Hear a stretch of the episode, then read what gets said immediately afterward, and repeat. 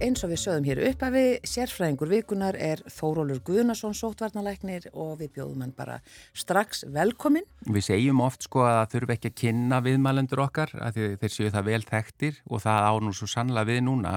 Ég meina, þegar þú fyrir læknisfræðina, bjóstu við því að þú ættir eftir að verða svona landsfrægur maður?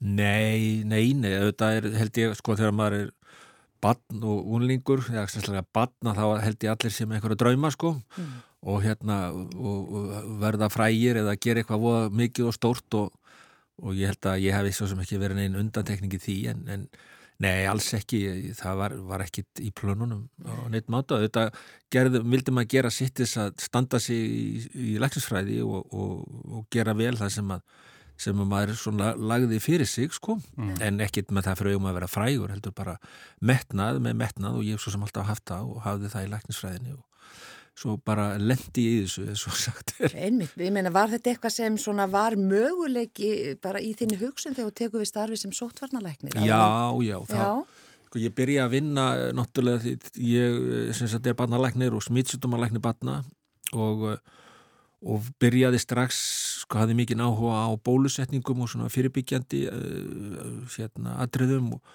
og get svo svona státa með að því að tekið þátt í því að innleiða hérna alls konar bólusetningar sem hafa útrýmt hérna mjög alvarlegum sjúkdómum og var bara mjög stoltur af því að tekið þátt í því og svo, síðan byrjaði að vinna hjá uh, sótvarnalækni Haraldi Brím 2002 uh, með bólusetningar og, og hérna og þá strax var ljóst að að það gætu komið þeir sem er að vinna í þessum brans að vita það að það koma svona heimsfaraldrar alltaf, influensa sérstaklega mm -hmm. á 10-30 ára fresti mis, mismunandi alvarlegir og maður er alltaf að miða við sko spönskuveikina 1918 sem var influensa eh, og við erum búin að fá nokkra heimsfaraldra síðan þá og síðasti heimsfaraldra influensa var 2009 sem að varði ekki svona alvarlegur eins og, og koronavirjan eða COVID. Mm. Var það svínaflensan? Já, það var svínaflensan svo kallaða og og hérna, en þannig þetta lúrði alltaf yfir og maður var alltaf að býða og, og vonaði svo sem að maður myndi ekki lendi í því en, en auðvitað var það kannski svona e, var maður undir búin eins og hægt var e, þó að ímislegt hafi komað nú óvart. En hefur komið þér á óvart, já, fyrst þú segið það, ég meina bara að þurfa að glýma í öllum þessum viðbröðum að þetta verður allt í nöður þetta orðið hápólitíst allar eh, ákvarðanir eh, og það er verið, það er náttúrulega gangi í dag á, á samfélagsviðnum, miðlum og annað einhvern veginn og, og hvaða upplýsingar fólk er að ná sér í og svolítið kom þeir á óvart hvaði voru bara hreinlega jafnvel sökuð um að, að, að vera að draga draga vagn fyrir einhverja hinn á þessa og annað slíkt og, og, og efast um ykkar vísindi Nei, nei, það kom mér ekki óvart. Ég, með síðan þessum bólusetningamálinn sem ég er búin að vera í lengi bara sem frá því að ég laði fyrir mig barnalækningar og, og smittsútuma þá hef ég verið í sambandi við fólk sem hefur efast um bólusetningar og, og sem misjaflega svona hattramar ásokani þar, þannig að það kom mér ekkert óvart en það sem að kannski kom hann óvart var þetta hvað, hvað þetta búið að taka ríkalega langan tíma og, og þegar þetta byrjaði þá held maður kannski að þetta myndi taka einhverja mánuði, þetta myndi ganga hraðar yfir mm. og myndi valda einhverjum áföllum og skada og síðan er þetta búið. E, en ekki svona taka svona langan tíma. Það, ástæðan fyrir því að þetta tekur svona langan tíma er, er raun að vera svo okkur tókst að halda þessu niðri og, og venda samfélagið og venda marga gegn smiti ef við hefum haldið áfram um, með þessum hraða sem við erum að sjá núna það er að segja 1000-2000 smit á dag þá erum við löngu búið með þetta en þá varum við líka búin að sjá alls konar hríkarlegar afleðingar mm. meðan að til dæmis þessi, þessi hérna, fyrri afbríði voru að ganga, við vorum ekki komið bólusetningar og það sem að 5% af þeim sem smituðust þurfti að leggjast inn á spítala og kannski 10-20% veiktust all, alvarlega að þá hefðu við séð alveg svakarlegar afleðingar bæði af COVID og svo á aðra sjúklingahópa, og maður ekki gleyma því, ég held að menn sé aðeins að sjá það núna þegar afi og pappi og mamma hérna, komast ekki í aðgerði eða komast ekki í einhverja nöðsilega meðferð og svo framvís og menn er að skammast yfir því að þetta er afleiðingin af því að hvað, af áhrifunum á heilbríðiskerfið. Já, við erum ekki búin að sjá eiginlega fyrir endan á þeim afleiðingum. Nei, nei og það er komin svakalegi bygglistar sem sem að tekur langan tíma að reynsa upp og og maður veit svo mikið hvað gerist með það þannig að afleðingarnir eru mjög miklar. Já, en er hægt að segja eða sjáu þið fyrir ykkur, já vísindamenn, að þetta sé að taka enda?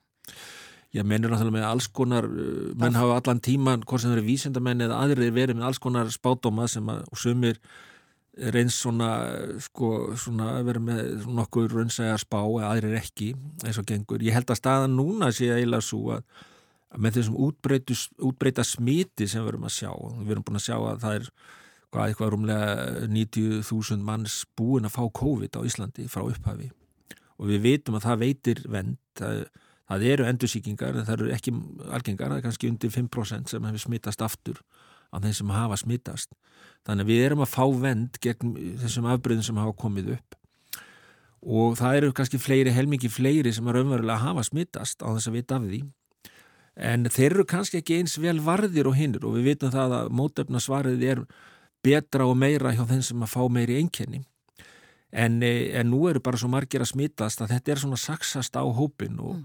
og við erum alltaf að vona við núna og búast við því að við förum að ná kannski þessu svo kallaða hjarðónami sem við erum búið að tönglast á í gegnum allar faraldri það var alltaf fróðlegt að fylgjast með þeirri umræða vegna þess að í byrjun vissi engin hvað hva er þetta að tala um eila, hjarðónami, hvað er það eila og núna er allir rótni sérfræðingar í hjarðónami og, og þannig að En, en svo bara verðum við að sjá hvað gerist. Eh, ég menna, er, er þetta, nægir þetta til að venda okkur gegn koronaveirun áfram, koma einhver nýja afbröði sem að reynast einhvern veginn öðruvísi, breyta myndinni, mm. Eh, hversu lengi endist mót, þetta mótefnasvar sem að þeir fá sem hafa smittast eða eftir bólusetninguna. Þannig að eh, ég held að við þurfum að hugsa þetta og við þurfum líka að hugsa og, og ég hef verið að hamra á því að nú þarf heilbríðiskerfið aldrei að taka sér takk og það þarf að hvað höfum við lært af COVID og þurfum að bara fara að byggja, hérna, byggja okkur upp og undirbú okkur undir einhver aðra bylgu, bæði spítalakerfi og helbriðskerfi, hvernig ætlum við að snú okkur í þessu? Við getum ekki bara að fara að andvarpa og lagst á bakið og, og alltaf svo að rýsa upp og gera eitthvað þegar fáum aðra bylgju eða eitthvað aðra veirur. Hvern, hvernig er sko í þessum, að því að, að COVID auðvitað eins alvarlegt og það er, þá er það að, í það minnsta ekki gríðalega háprósenta sem hefur verið til dæmis að látast úr COVID. Er, er hætta á að einhver tíman í framtíðinni komi bara einhver önnur veira upp sem að, að því maður hefur séð kvíkmyndir sem eru með alls konar hryllingssögur í þessa áttina, að bara gæti komið einhver álíka smitandi veira sem væri bara alveg bráðdrepandi. Já, já, það gæti alveg hæglega gerst og, og sérstaklega við verum að tala um kannski um influensuna, heimsfaraldur influensu. Influensa breytir sér alltaf að milli ára og þess vegna veldur hún svona faraldri á hverju ára. Ef við reyndir ekki gert það núna í COVID, ekki núni ár, ekki fyrra heldur, það er mjög skrítið. Eh, en það getur hæglega komið upp og mun koma upp uh, svona nýr stopp af influensa veiru sem að sem að veldur sem enginn hefur séð áður og þá á svo veira greiða leið bara eins og COVID og og getur breyðist eh, út á milli, eh, milli manna og, og þá er það bara spurning hversu alvarleg verður hún. Og, og það er bara skemst að minnast 1918 sem all, allir er að minn, mun eftir svona, og hefur verið umræðinu í setni tíð. Það var influensu faraldur og, og hérna, mjög skæður og þannig að, að þetta, þetta mun gerast einhvern tíman aftur. Já, það er bara hversu alvarlegur hversu alvarlega verður hann og hvernig, hversu vel undirbúin eru við og Við erum að undirbúa við eigum líf gegn influensunni, eh, Tamiflu líf til dæmis og, og við e, með, höfum verið með samninga við bólefnaframlendur um influensa bólefni sem virkaði mjög vel hérna 2009 í svínaflensunni þá. Datt bara sá faratur út, hann bara slöknaði á honum með þessu útbreytu bólusetningu þá. Þannig að þau bólefni virkuðu svona betur gegn smiti heldur en COVID-bólefnin klárlega. Já, þannig við verum að halda vel á spöðunum að halda áfram eh, að þróa góð bóluefni og og efla heilbríðiskerfið og allt þetta? Algjörlega, já. Bara læra reynslunni og reyna að undirbúa okkur eins, eins vel eins og hægt er. En svona möguleg influensa sem gæti verið alvarleg, erum við komin með einhvern grunn af bólöfnum fyrir þau eins og að því að það, það virtist verið eins og það þurfti bara að byrja alveg á grunni með COVID-bólöfni? Já, það er þannig að bólefna framlegendur, þeir eru búa til svona, svona sínusotna af bólefni sem þeir geta notað þegar að kemur nýrstopp. Vandin við influensin er að, að að bólefna framlegendur geti ekki byrjað að búið til bólefni fyrir en að, að eh, influensan er farin að ganga og hefur sínt sig að vera heimsfaraldur. Mm. Þannig að þá hafa bólefna framlegendur bara nokkra mánuði til að drífa í því að framlega bólefni og eins og var hérna 2009 og, og hérna við fengum hana eh, bólefni hér í september og þá var, þá var influensan byrjuð að ganga svolítið og, og hérna e, þannig, að, þannig að þetta er kapplaup. E, við erum í, en nú hefur aldrei neitt búið til bólefningi af koronaveirunni þar að segja í svona einhverjum stórum stíl og, og þannig að þetta var algjörlega nýtt og framandi. Þannig að já já það getur komið einhver nýrveira og ef hún er svona smitandi og, og skæð þá, þá erum við bara í þessum sömu spórum í raun og veru og þurfum að, að, að hérna, undirbú okkur og ákveða hvernig við ætlum að breyðast ætlum við að gera þetta eins og við gerum þetta núna eða ætlum við að gera þetta einhvern veginn öðruvísi það er verkefni núna framtíðarinnar vinn í því. Þannig að þetta er stundmilli stríða, getur við sagt. Alveg, já, klárlega, en en ég held að menni einu svo sem að ef þetta gengur nú yfir að, að það eiga þá bara að vera einhver ákveðnir í því að reyna að undirbúa þetta, það er ekki allir að vera alltaf að pæli því, við erum að bara reyna að njóta lífsins og svona þorri þjóðarinnar og við erum að hafa fólk í því að undirbúa okkur undir næsta og, en við þurfum að vera meðvituð um þetta og, og búa til viðbrásáallanir og allir þurfum að vera með í leiknum. Já, eh, eðlilega þá eru spurningar eh, frá hlustendum, þar að segja hlustendu voru mjög forvitnir og sendu inn margar spurningar og við ætlum bara að vinda okkur strax, byrja í þeim því að þær eru það margar svo við mm. náum í gegnum þetta. Hér er svo fyrsta. Góðan dag, ég hef áhuga að spyrja Þóról einna spurningar. Ég er um 60 með MS og reiki en er samt ágæð til helsunar. Er ekki bara góð hugmynd að vera útsettur fyrir smitt eh, og fá veiruna? Fáum við við þetta ekki flest á endanum og gott að ljúka því af áður en, en ég fer til uh, útlanda í frí í sumar. Takk fyrir.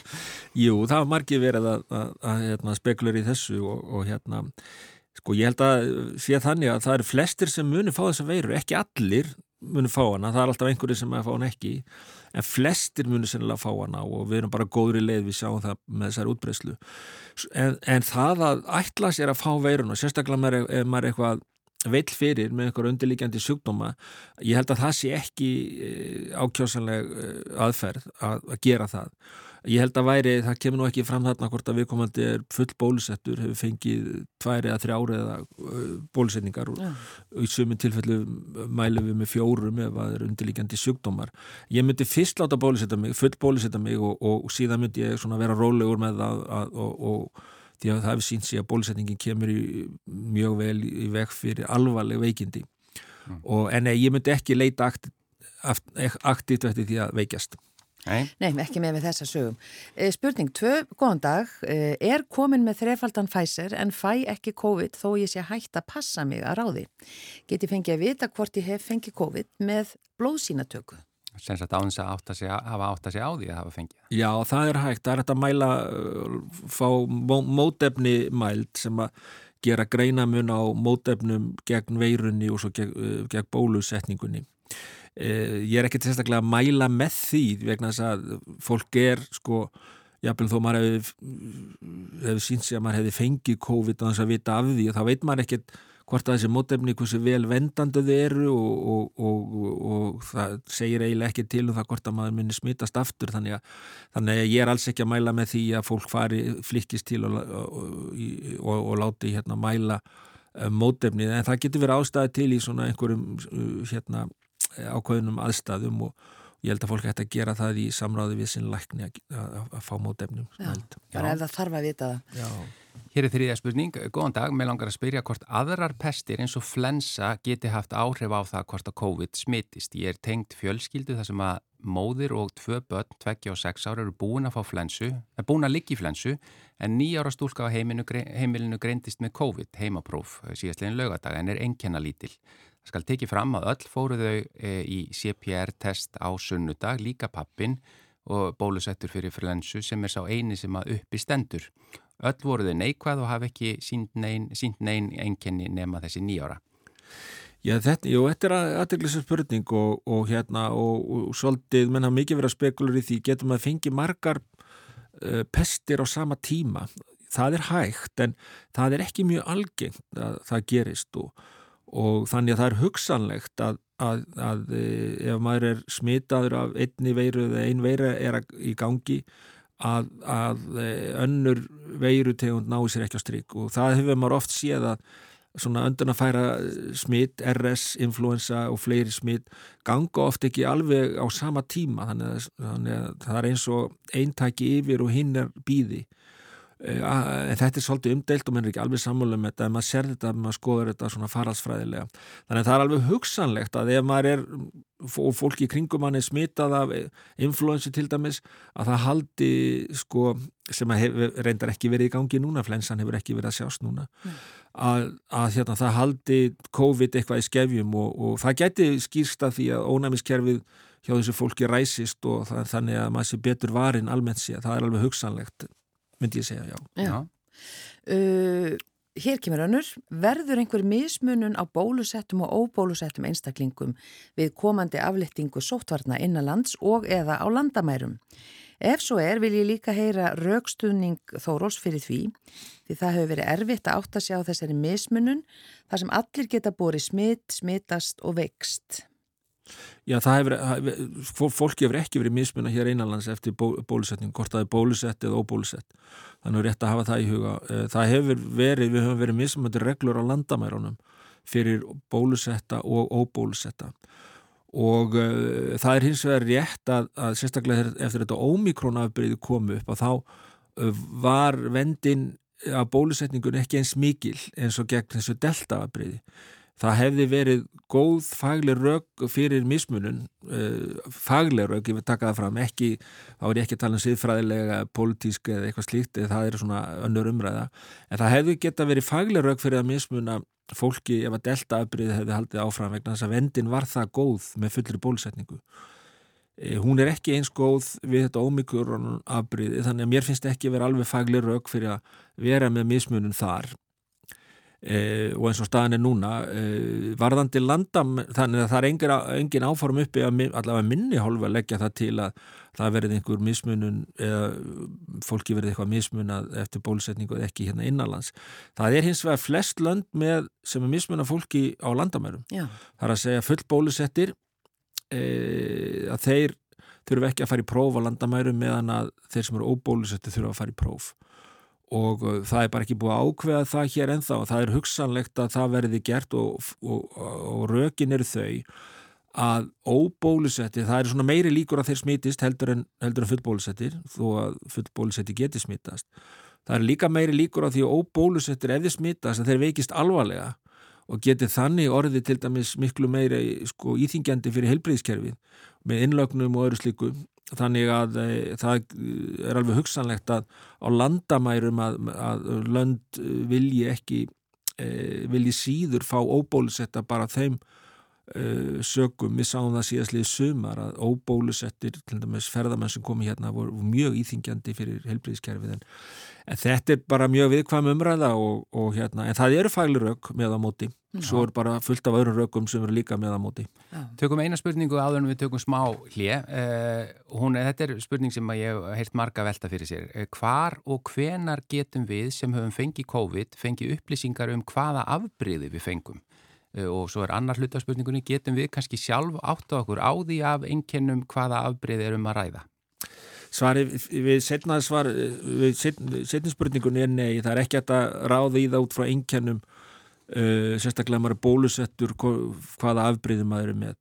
Sko nú er það þannig að Íslensk erðagreining hefur gert alla raðgreiningar á veirunum sem að greinir hann að hvort þetta er ómikrón eða delta. og það gekk bara mjög vel þegar við vorum ekkert með mörg smít núna þegar við erum bara með 2000 smít á dag að þá er þetta gríðarlega mikið verka að raðgrein allar veirur. Þannig að það er ekki víst að, uh, að við getum staði við það sem við vorum byrjuð á og vorum búin að lofa að allir fengi að vita hvaða veiru þau væri með. Það er mjög líklegt að við verðum að, að, að, hérna, við getum ekki emt það og það er mjög líklegt að við verðum einhvern veginn að hérna, minka þessa ræðgreiningu og taka bara úrtök til að sjá hvaða veirur eru í gangi veirur afbríð eru í gangi í samfélaginu. Það er kannski það sem að skiptur öllum máli. Ég veit að einstaklingar eru mjög forvittnir að vita og, og geta svona borðið sér saman, ég var nú með delta en ég var nú með omikron eða eitthvað mm -hmm. svona. En það hefur ekki mikla þýðingu þannig að, þannig að við sennilega getum ekki staði við þetta bara út af þessum gríðarlega fjölda sem er í gangi en við erum eftir að auglýsa það betur Já, heyrðu, við erum sko, eh, við erum ekki einu sinni hálnum með spurningarna, þannig að við ætlum að taka eitt... Svörun er svo löngja mér að... Nei, nei, nei, þau eru mjög skýr og góð. Við ætlum að taka eitt lag með e, spilverki þjóðan og svo höldum við áfram með Þóról Guðnarsson, sérfræðing mannlega þáttarins.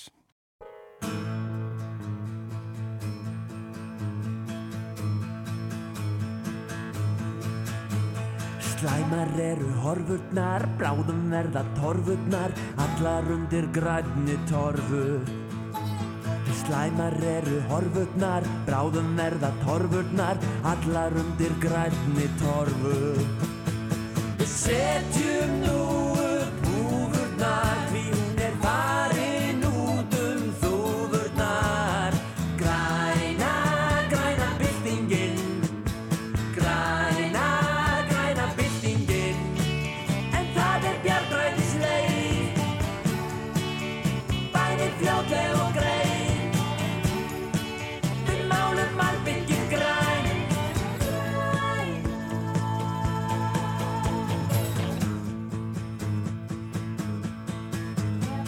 eru margar nefndirnar, furnig er með endirnar sem sumir lofuðu sumum. Þær eru margar nefndirnar, furnig er með endirnar sem sumir lofuðu sumum. Setjum nú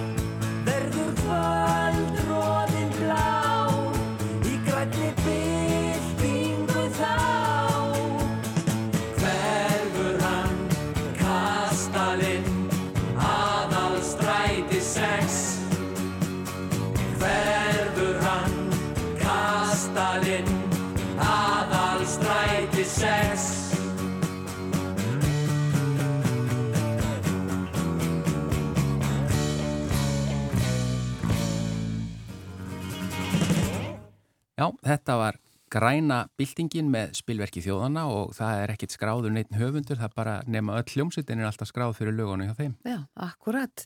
Og uh, það er sérfræðingur vikunar í gangi hér í mannlega þættunum þennan fymtudaginn. Þetta, já, liðurinn eiginlega hófst aftur í dag með þessum sérfræðingi, ég hef svona lániðri um jólinn, en það er hann Þórólur Guðnason og eins og þið hlustendur hafi heyrt, þá er hann að svara hér spurningum sem þið hafi sendt inn og uh, það er svona misjæmt hvaða sérfræðingur er í gangi, hversu margar spurningar við fáum, en að þessu sinni fengum við mjög margar, þannig við viljum halda vel á spöðunum og reyna að koma þeim öllum að. Eh, hér kemur svo næsta og þú ert bara klár já. og takk fyrir að sitja hérna hjá okkur. Eh, ég hef heyrt í fleikt að einstaklingar með undirlikjandi sjúkdóma ættu að fara í fjórðu bólusetninguna. Hvað segir Þórólur við því? Já, það hefur verið mikið rætt um hvort að, hversu margar bólusetningar uh, fólk þarf. Ég held að sé nokkuð ljóst að þeir sem eru sko, svona ónæmis spældir, með ónæmis spælandi sjúkdóma eða kannski á ónæmis spælandi livjum, að þeir í mörgum tilfellum svara ekki nógu vel jafnvel þremur sprautum sem að eru þá þrjár sprautur í grunnbólusetningunni og þyrtu þannig að fá þrjár sprautur í grunnbólusetningu og svo örfunar bólusetningu sem var þá fjörðasprautan venjulega eh, fyrir, fyrir allan þorra almennings þá er sko grunnbólusetningi tvær spröytur og svo örfunabólusetningin er nummið þrjú. Já. Þannig að jú, það er svarið við því er eiginlega já en við höfum ekki farið út í það að ætla bólusetni alla sem er eldri en 60 með, með fjórum eða eitthvað svo liðis. Eh, það er, það er bara líka ekki alveg nóg góð gögn fyrir því að gera það eins og staðin er núna en spurningin til langfram er svo munum við þurfa sko fleiri spröytur kannski einu svona ári eins og influensabólusetningin til að viðhalda einhver ónæmi mm. það verður svona verkefni næstu mánada og næstu ára og, og það er ekki svör við því núna Hvað með þessi Ísraelskur ansók sem síndi að þessi fjóða spröyta bætti litlu við? Já það er akkurat þetta hjá bætti kannski litlu við hjá svona bara vennilugu fólki. Já. en það er kannski ekki liðin heldur nógu langun tími til þess að svara því. Bæði geta afbreyðin aðeins breyst og svo veit maður ekki nákvæmlega hvernig ónæmið uh, hversu rætta mingar þannig að það þarf kannski að líða lengri tími til að svara þessu. Já. hvort að allir þurfi fjörðusbrautuna eða ekki í haust kannski, eitthvað slíkt. til dæmis en, en það er ekki að döfin hjá okkur eins og staðan er núna Þetta er aldrei stafan en það ekki og hefur verið í gegnum alla, allan faraldurinn að það er bara verið að reyna að finna út úr þessu bara á, meðan við erum á leiðinni að því að fólk hefur ótt verið óvanægt að segja býtuð það var sagt þetta í gæri og svo mm. bara allt ín búið að breytast. Já, akkurat, það er akkurat þannig. Þetta er bara, við erum bara, þetta er svona, ég hef stundu tekið þessa líkingu sko og, og það var, svo líking var notið í byrjun, þetta er eins og að vaða yfir bara jökulá sko, þú kemur að einhvern stað og þú ert að fikra þig og, fetta þig áfram og veist, sér þig ekki botnin og svo allt innur rekstu á einhvern hildýpi eða þú rekst á einhver, einhver grjót og þarf einhvern veginn að, að snúa við eða taka á því krók sko til að komast yfir. Og þetta er bara eins, við erum bara að læra í dag og sjá er þetta virka sem við erum að gera núna og gerðum í gær og þurfum við að breyta eitthvað um kús og, og, og hérna er, er landslaði einhvern veginn öðruvísi heldur en við heldum Þannig hefur þetta verið. Já, bara frá degi til dags. Já. En næsta spurning? Næsta spurning. Mikið væri gott að vita hvernig enkenni og veikindi eru hjá eldra fólki 70 pluss. Þar maður enna hlaupa undan veirunni, kærkvæðja. Já, ég veit, ég, sko, maður getur kannski ekki hlaupið undan henni en, en, en eh, enkenni eru bara mismunandi, einstaklisbundin og, og sérstaklega og, og, og það sem breytir stöðinu líka er það hvort að fólk er full bólusettið ekki. Þau eru klárlega með miklu vægar í einkenni þessum eru full bólusettir og, og það segja nú læknar á landsbítalanum sem að hafa reynslunni í því. Og svo er þetta líka breytilegt eftir hvað afbrið eh, verða fást við. Omikronafbrið er vægara og svo er þetta, svo er aðriðir einstaklisbundinir þættir eins og undirlíkjandi sjúkdómar að hvort maður færi þetta bara sem kvef eða hosta, hálsærindi eða beinverki en við erum klárlega núna ekki að sjá eins mikið af svona alvarlegum veikindum þar sem að veira leggst á innri lífæri, lungu, hjarta, e, nýru og sérstaklega lungun kannski eins og, eins og áður. Þannig að það er ekki hægt að segja endilega hvað aldurinn varðar hvort að, að einkennin sé eitthvað frábrúðin en eh, 70 pluss eh, er, er í meiri áhættu að fá alvarleiri veikindi almennt séð. Já, eh, við vitum ekki den, eða veit einhver og er byrjað að rannsaka af hverju einn veikist illa og annar ekki ef að báðir já, hafa hingað til kannski virkað bara fullraustir einstaklingar? Nei, það er, það, er þannig er þetta bara með alla smittsjúdóma. Já, sko. þetta er framtíðar rannsóknar einnig. Já, já, og þetta er, þetta er náttúrulega, svona er þetta með alla smittsjúdóma og síkingar, ég meina fólk veikist mismunandi illa af influensu eða parainfluensu eða adenoveiru enteroveirum, öllum þessum veirum sem var að ganga sem koma hverju ári, RS-veirunni það er bara mjög mismunandi. Sumi fara illa út úr því og aðri fara vel út úr því. Þetta er mjög flókið samspil á milli ónæmiskerfisins og svo veirunar sjálfrar vegna þess að ónæmiskerfið sjálft getur líka valdið miklum alvarlegum veikindum eða bregst of harkalega við til dæmis. Mm. þannig við þurfum að hafa ónæmiskerfið sem er svona mátulega gott, ekki of gott bregst ekki ofharkalega við og, og en, ver, má, en verður samt að bregðast við síkingunni. Þannig að þetta er þessi, þessi millivegur sem er svo í þessu eins og svo mörgu öðru. Já, næsta spurning. Já, uh, hvað er hún? Hún er hér. Já, ágættu Guðrún og Gunnar, þetta byrjað mm -hmm. þannig. En ég er uh, heldri borgari með undirlikjandi og hef þrátt fyrir að vera þrýbólusett áhyggjur af delta afbreyðinu sem er mun hættulegra fólki eins og mér en Omikron og mér finnst því skipta máli að upplýsa hver mikið greinist af delta afbríðinu þessa dagana þegar það hefur vonandi látið undan. Verður maður kannski kjark meiri að taka aftur þátt í samfélagi manna. Spurningin er því, hvað getur Þórólur upplýst um útbreyslu delta afbríðisins sem margir í hópi viðkvæmra óttast en þrátt fyrir þrý bólusetningu? Já, það er svo í gatum áðan að, að, að þegar svona margir að greinast 2000 manns á daga þá þá erum við ekki með skott yfirlit eh, yfir þetta út frá raðgreiningunum eins og, eins og áður. En eh, síðustu upplýsingar segja okkur það að delta afbreyð er langt undir 10% af þeim sem er að greinast. Eh, þannig að það er yfirgnæfandi líkur á því að, að, að smitt sem er í gangi núna sé Omikron annarkorta þetta fyrsta afbreyði Omikron 1 eða Omikron 2 og sem er meira smittandi heldur en Omikron 1 og, eh, en delta er í uh, svona algjörum undatekningatilvíku mm.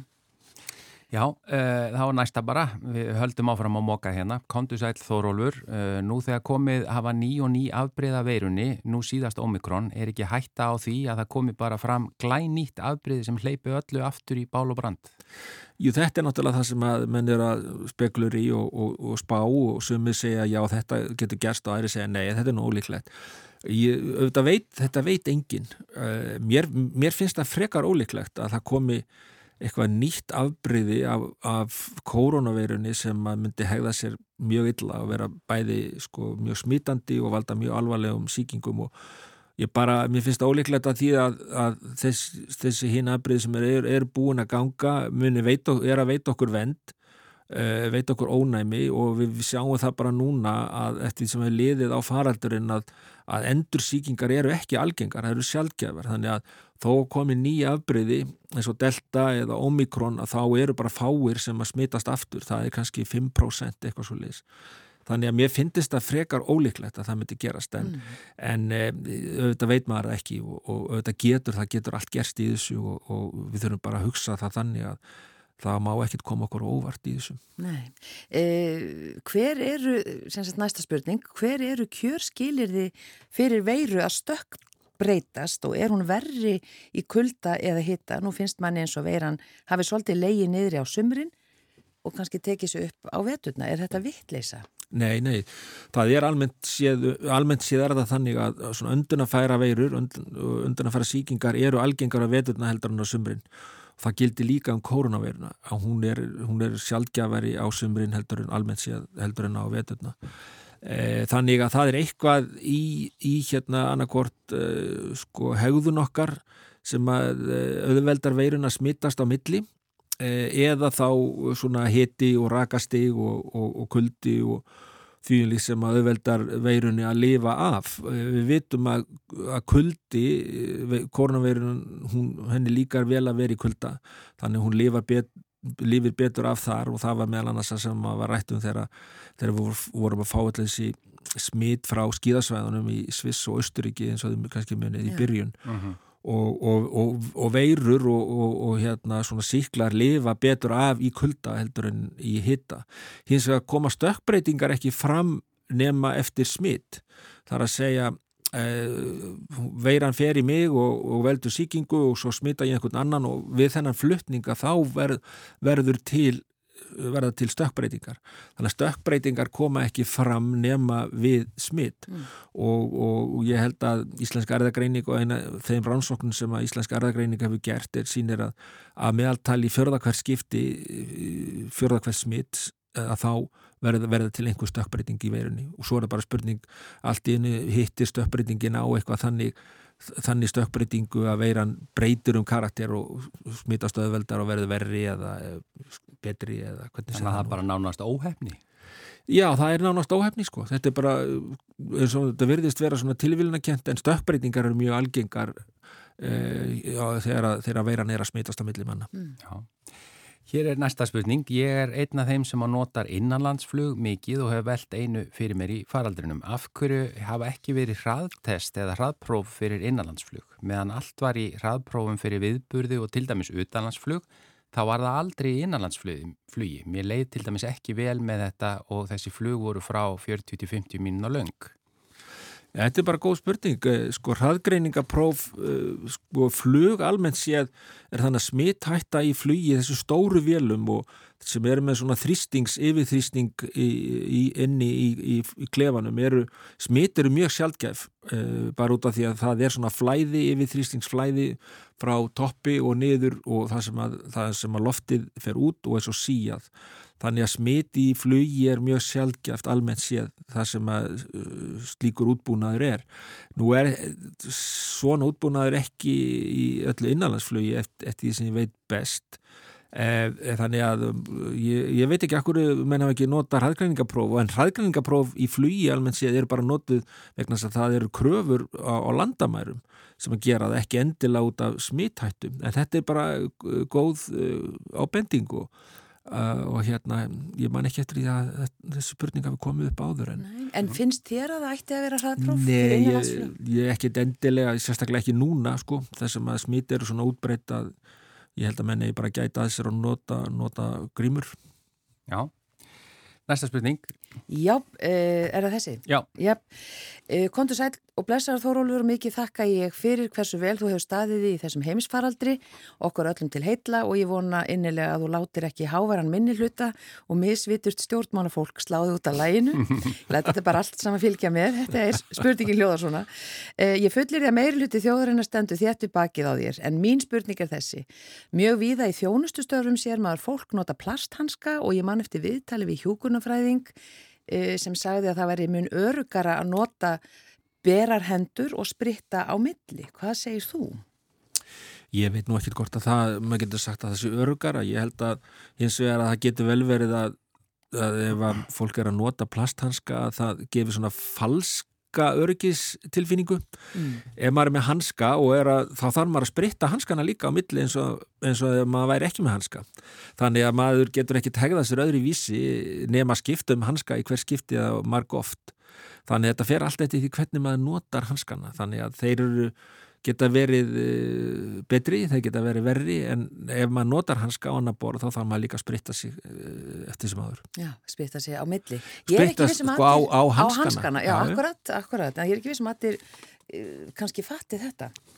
En, en hér koma tvær spurningar sem snúa að því sama, sem sagt að D-vitamíni. Hér er svo fyrir, góðan dag, nú tala margir um að nóg af D-vitamíni í líkamannum sé veiga mikil þáttur í að komast vel í gegnum COVID-veikindi heyrði í fréttum að þetta hefði komið út úr Ísraelskri rannsókn. Er þetta fullsannað? Og svo er hér annar sem talar um til dæmis að rannsóknir hafi sínt að nægilegt D-vitamin dregur úr smiti uh, og líkum á þörfum á að fara á spítala og annað. Og hann reynda spyr hvers vegna hafið þið aldrei bent, bent almenningi á að ebla ónæmiskerfi sitt með nægilegri indöku D-vitamins og kemur svo með hvers vegna hafið þið lagt áherslu á að bólusetja börn en hafið ekki gert í því að losa börnin við þennan mikla D-vitamin skort? Já, það sko D-vitamin umræðan og, og smitt og síkingar er ekki ný sko, þetta er búið að vera alveg síðan að uh, ég byrjaði í smittsjúdómum fyrir langa, langa lungu og menn er endalust að að, að já, að þrátta og þrefum það byttu hversu hversu gott er D-vitamin til þess að í veg fyrir smitt og síking og annað slikt. Ég held að, ég held að mín skoðan að þess er svo og það er alveg klárt mála að D-vitamin skortur veldur alls konar vandraðum uh, og getur valdið alls konar sjúkdómum ekki bara í kalsíumbúskap og beinabúskap heldur líka í ymsu öðru. Og þar á meðal uh, ekki ólíklegt að það gerir það líka með ónæmiskerfi til dæmis því að D-vitamin veldur sko er nöðsynlegt til endur nýjun frumna og, og alls konar efna, efna búskap í, í líkamannum þannig að, að að, eh, að uppræta D-vitamin skort er bara mjög mikilvægt og að fólk taki í D-vitamin sérstaklega á svæðum þar sem að lítið sólalös er og svo framvegis og, og þetta hefur náttúrulega verið bent á þetta hér alveg bara árum saman og landlæknisembati er mjög góða heimasíðu þar sem við höfum farið áttak við að, að, að benda á þetta og það er alveg rétt að það var rannsókjanda fyrir mörgum árum síðan sem síndi að börn voru skorti D-vitamin og, og það var farið áttak og í ungbarna eftirliti til dæmis er lögð mikil áhersla á þetta þannig að það er alls ekki rétt að sé ekki lögð áhersla á þetta en síðan halda menn það og hafa uh, og þrefaðum það svolítið hvort að, hvort að það bara taka nógu mikið að D-vitaminni það sé nægilegt til að koma í veg fyrir smít og það sé bara lausnin og öllum síkingum. Það er nú bara alls ekki þannig sko. Og, og ég hef skoðað marga rannsóknir á því og það er bara misvísandi rannsóknir. Það eru bæði til rannsóknir sem að sína svona svo kallar sko e, tengsla rannsóknir sem að mæla D-vitamin og mæla svo líkur á smiti og fá út einhverja, einhverja samsvörun. Það segir raun og veru ekki til um orsakasamingi í fyrsta lagi. Svo eru til að rannsóknir sem að, sem að gefa tveim, einum hópi nægilegt D-vitamin og öðrum ekki og kanna dýnina á, á, á síkingum og það er bara mjög misvísandi hvað kemur út úr því. Þannig að þannig maður e, þarf að passa sig því að taka ekki bara eina rannsókn og, og tólka hana sem einhverja endalók á, á svar, endalegt svar á þessari spurningum Mm -hmm. Svo þá líka passa það að, að, að það að gefa of mikið D-vitamin getur bara verið hættulegt. Það getur verið D-vitamin eiturinn sem veldur alls konar kvillum. Þannig að ég myndi segja að svari við þessu, jú, það er mikið vakt að huga því að taka D-vitamin, sérstaklega hérna sinna á Íslandi og við höfum legt áherslu á það mm. og, og, og nægilega mikið og það eru góðar upplýsingar um það á, á, hérna, á heimasíðu ennbætti landlæknis um það en, en, eh, en við erum ekki að leggja áherslu á það sem eitthvað meðferð eh, við sjúkdómi eða, eða, eða að öðru leiti það, það, það myndi ég ekki taka undir nema væru betri rannsóknir sem síndi það og ég held að í þessari spurningu hafi verið tilvittnanir í einhverja rannsóknir sem að, sem að segja þetta ekki af eða á hvort að, hvort að eigi að gefa mikið að D-vitaminnið ekki. Já en að þú, þú talar um að, að taka of mikið getur valdið eitrún eitrun, hver er ráðlægur skamtur? Já, ráðlægur skamtur eru svona, það fyrir eftir aldri svolítið og, og, og, og það er svona 10 til 20, 10 til 15 mikrogram uh, á, á, á dag. Já, þetta er alltaf í þúsundum Já, það er, ein, það er talað um einingar sko, uh, þannig að bilið er nokkuð sem menn geta tekið en það þarf að passa sig að það takk ekki of mikið uh, og fá þá D-vitamin eiturinn sem að ég sé það, ég sé sjúklinga með það, bæði börn og fullarna og, og það er ekki skemmtilegt. Herru, við náum hérna loka spurningunni en bara nokkuð stutt samt. Eh, hvernig gengur að bólusetja fátakustu þjóðunar? Er Novaks að skila árangri eða vantar mikið upp á og hvaða áhrif mun það hafa ef stór hluti landa í heiminum er orðin meira og minna bólusett en einhver hluti heimsins er það alls ekki? Já, þetta Novovax uh, bólefn, það er nýtt bólefni, ég ger ráð fyrir að sé að vera að spurja um það sem að... Það er alltaf ekki Kovax sem er það... Það getur verið svona Kovax, Kovax er bara svona samviti yfir eh, sko uh, samvinnu þjóða til að koma bólefnum til uh, fátakjari landa. Mm. Það gengur ekki mjög hratt að, að, að bólusetja ímissvæði og, og, og hérna ímisslönd. Það, það er náttúrulega margótt verið bent á það það eru, ég kann nú ekki prósenttala nákvæmlega, einhverstað sé um 50% sem að minnskosti fengi eitt skamt uh, í heiminum öllum og þetta það er þá uh, ekki jæft dreift, það eru sum svæður og glað sem er náttúrulega ekkert bólusett. Þannig, en það er alveg rétt en, en það kannski skiptir minna málið núna þegar að út af bólefni er þannig að það kemur ekki nægilega vel í veg fyrir smitt eða það kemur í veg, vel í veg fyrir alvarleg veikindi þannig að, eh, þannig að við höld, munum halda áfram að vera með svona eh, hérna eh, COVID í gangi í löndum jafnvel það sem er fullbólisett eins og Íslandi til dæmis, bara mm. benda það Já. að við erum með, sko hér á Íslandi erum við búin að um 90% þjóðrann eru búin að fá tvo skanda og, og 70% af þeim eru búin að fá þrjá þannig að það er mjög vel bólusett hér en við erum samt með þetta smit í gangi og hjá jafnvel bólusettum það er bara ekki eins alva, alvarleg veikindi. Við svona aðstæður þá geta náttúrulega komið upp nýja afbreyði á jafn bólusettum og óbólusettum svæðum. Og þannig að þannig að þetta er kannski ekki alveg í mínum huga eins, eins sko kníjandi en, en auðvitað er mjög nöðsilegt að geta veitt öllum bólefni til að koma í veg fyrir alvarleg veikindi, það er alveg klárt. Mm. Kæra þakkir fyrir að vera sérfræðingur vikunar hjá okkur hér í manlega þættunum Þórólur Guðnarsson, takk fyrir að svara þessum fjölmörgu spurningum eh, og við þekkum hlustendum fyrir að hafa tekið svona vel þátt og sendt okkur svona margar spurningar. Takk fyrir mig, takk. Takk einlega. Þú ert að hlusta á Rás 1.